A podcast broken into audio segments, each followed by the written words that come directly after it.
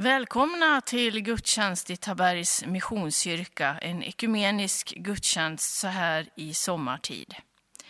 Temat för den här gudstjänsten är efterföljelse.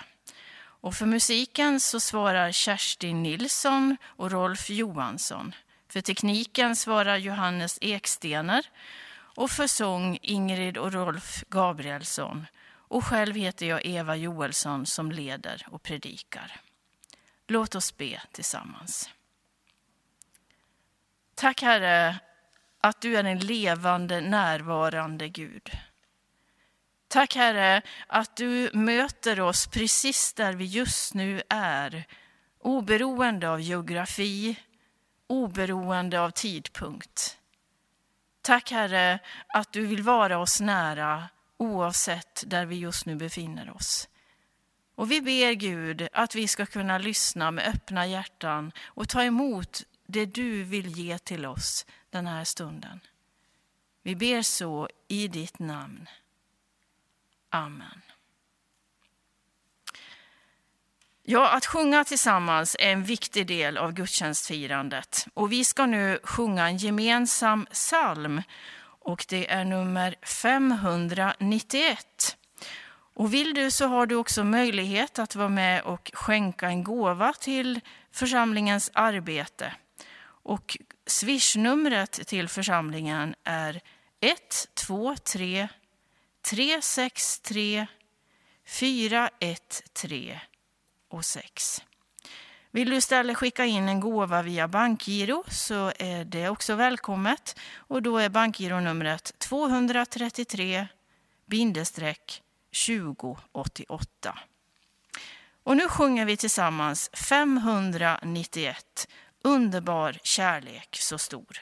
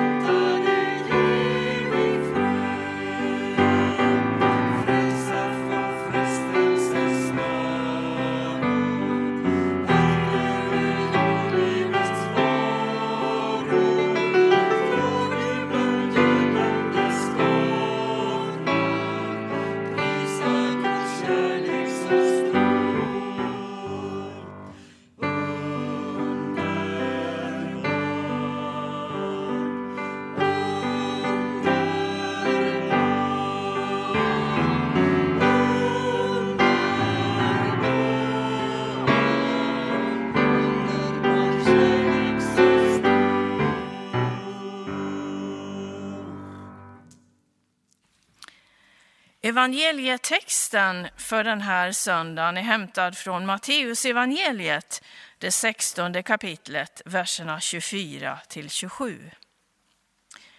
Jesus sa till sina lärjungar, om någon vill gå i mina spår måste han förneka sig själv och ta sitt kors och följa mig.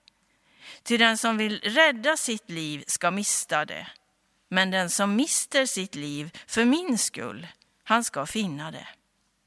Vad hjälper det en människa om hon vinner hela världen men måste betala med sitt liv?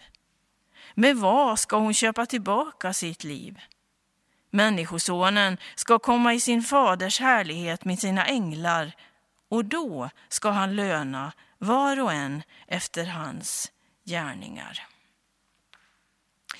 Ja, temat är som sagt var efterföljelse.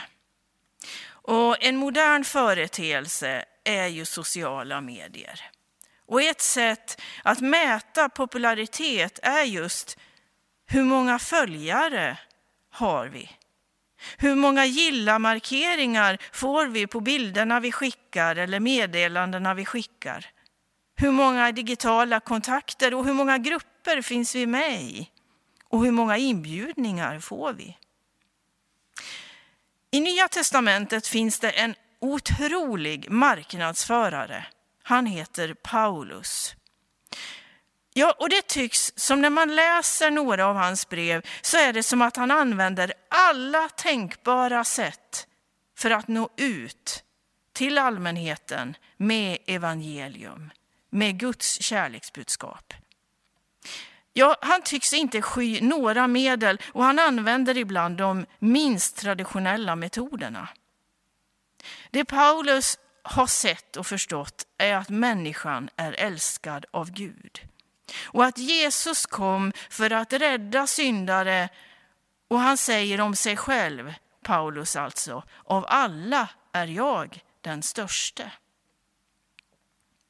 När evangeliet svartmålas ibland i Nya testamentet så svarar Paulus lite avkopplat, ja huvudsaken är att evangeliet förkunnas. Det vill säga, det är som att all marknadsföring är bra, även när det inte sker med goda syften. Samtidigt så möter vi också en Paulus som är helt fri från tycke tyckande och godkännande från sin omgivning. Ja, det tycks som att i hans hjärta så förstår han att uppdraget är större än omgivningens popularitet. Allt för att vinna så många som möjligt. Om en stund kommer vi att gå in i texten som den här söndagens predikan utgår ifrån. Men innan dess vill jag berätta lite kort om en Tabergskvinna som eh, levde här i den här regionen i sekelskiftet. Jag har läst lite grann om henne och också hört människor i Taberg berätta om denna ganska speciella kvinna. Hon hette Ebba Rickard och var född vid 1800-talets slut. Ebbas mamma var piga och när hon är 26 år gammal så föds dottern Ebba. Hade det varit idag så hade det inte varit så speciellt, men det startade inte bra. Begreppet oäkting användes. För mamman hade blivit med barn där hon tjänstgjorde i hemmet som piga och nu föddes dottern utanför ramarna. Men eh, det visar sig att hon ändå får en upp, god uppväxt hos sin mormor och morfar. Några år senare när hon kommer upp i snart tonårstid så händer någonting annat ganska tragiskt. Morfar lär ha blivit påverkad att dricka starka drycker och i ett tillstånd när han är helt onykter så skriver han på en borgensförbindelse. Och det gör att mormor och morfar tvingas snart lämna gården de bor i. Nu hamnar de som eh, i backstugan och de lider ekonomiskt svårt. Och där finns också Ebba, barnbarnet. Hon berättar att hon har en god relation till både mormor och morfar, men det tycks som att det är mormor som står för fastheten. Hon är troende och hon ber, och hon ber också med och för Ebba. Det visar sig att tiden hemma hos mormor och morfar så finns det ändå en stor kärlek. Och det berättas att folk i närområdet, de troende, kom på besök, hade med en kaffekorg. De satte sig hemma i den lilla stugan, fikade tillsammans och när gästerna hade lämnat så hade de så att säga råkat lägga en penning under kaffekoppen. Det berättas att eh, det fanns evangelister som kom till Tabergsregionen från Helgelseförbundet, kvinnliga evangelister som kom med passion och eld och berättade om sin tro på Jesus Kristus. Ebba fascinerades. Hon älskade att gå i skolan. Hon lyssnade på evangelisterna. Men snart, i 14 års ålder, så kan hon inte fortsätta att gå i skolan. Hon måste börja jobba. Hon började att diska på hotell inne i Jönköping. Och där, efter att ha lyssnat till missionärsberättelserna i församlingarna här i Tabergsdalen, så beslutar hon sig och får också en kallelse att bli utsänd som missionsarbetare. Hon beger sig till England där hon bedriver studier. Men eh, någonting sker och det blir på något sätt för mycket.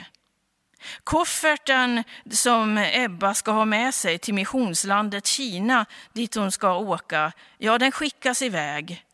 Men det blir ingen missionärskallelse för Ebba. Hon insjuknar och får vända tillbaka till Taberg. Här utbildar hon sig till lärare. Och hon är omtyckt. Hon har väldig disciplin och ordning, men är också en väldigt god pedagog. Det berättas om Ebba att hon på 30-talet så bedrev hon en hemgrupp. Man bad, man samtalade och hon sågs kanske lite annorlunda i bygden. Hon var envis och hade starka åsikter och framförde dem. Ungdomsborgen är ju en institution dit många unga människor har sökt sig under historiens gång här i Taberg. Vid ett besök så var det en missionär som eh, berättade och inspirerade och Ebba var en av dem som var där och lyssnade. Hon beställde då tio böcker av en missionärskollega. Tiden efter det här, då började hon samla en grupp ungdomar hemma hos sig. Det berättas om torsdagskvällar där man bad, man läste, man eh, samlade in pengar man bad och offrade. Det var möjligt att diskutera, man pratade politik, man bad. Ja, det var ett andligt mentorskap som Ebba utövade. Hon kunde engelska och 75 år gammal så gjorde hon slag i en ungdomsdröm hon hade haft. Hon reste till Israel. Hon var också en profil. Hon lämnade ytterdörren olåst och på frågan varför hon gjorde det svarade hon, varför ska jag vara rädd? Hon tog emot människor som hade det svårt i bygden. De fick bo gratis på övervåningen och själv bodde hon på nedre plan. Ja, hon sa, folk behöver få vila och koppla av. Hon var en andlig mor. Hon var lite annorlunda och hon var en förebild för många. Detta trots att starten på hennes liv var allt annat än enkel. Som oäkting och när det gällde kallelsen till missionär så blev det ju inte som hon hade trott. Vad har det här med efterföljelse att göra? Ja, nu kommer texten från första Korintierbrevet, det nionde kapitlet, där Paulus riktigt tar i och beskriver passionen för evangeliet och efterföljelsen till Jesus Kristus. Fri och oberoende av alla har jag alltså gjort mig till allas slav för att vinna så många som möjligt. För att vinna judar har jag för dem varit som en jude för att vinna dem som står under lagen har jag för dem varit som en som står under lagen, fast jag själv inte står under lagen. För att vinna dem som är utan lag har jag för dem varit som en som är utan lag, fast jag inte är utan Guds lag. Jag har ju Kristi lag. För att vinna de svaga har jag inför dem varit svag. Allt har jag varit för alla, för att åtminstone rädda några. Allt gör jag för evangeliets skull, för att också jag ska få del av dess löften. Ni vet ju att alla löparna i en tävling springer, men att bara en får priset. Löp då för att vinna det. Var och en som tävlar måste försaka allt. Löparen gör det för en krans som vissnar. Vi för en som aldrig vissnar. Ja, att vara en efterföljare och att följa Jesus är långt ifrån liktydigt med att det ska gå som på räls. Om vi tar exemplet med Ebba, med hennes förutsättningar från födseln, med saker som händer i hennes uppväxt och dessutom med vad man kan tycka en misslyckad missionärskallelse. Var det ett misslyckande var det så att hennes liv inte blev det Gud hade tänkt? Om det kan man fundera och om det kan man tänka. Men var också Paulus liv ett liv som gick på räls? Fängelse, förföljelse, skeppsbrott, ja listan på så kallade annorlundaheter, misslyckanden kan göras lång. Men jag tror att när Paulus tittar tillbaka på sitt liv och när Ebba också på sin ålders höst tittar tillbaka så tror jag, oavsett vad de kände för stunden, att de båda på ett eller annat sätt kunde stryka under orden i att de hade fullföljt loppet för Jesus för att vinna kransen det eviga livets segerkrans. Jag vet inte vem du är som lyssnar just nu. Jag vet inte vad du har varit med om, vilka planer och tankar du hade under din uppväxt, när du utbildade dig, hur det sen blev. Men oavsett så är Gud med dig just nu. Och att få fullfölja banan, springa loppet tillsammans med Jesus Kristus.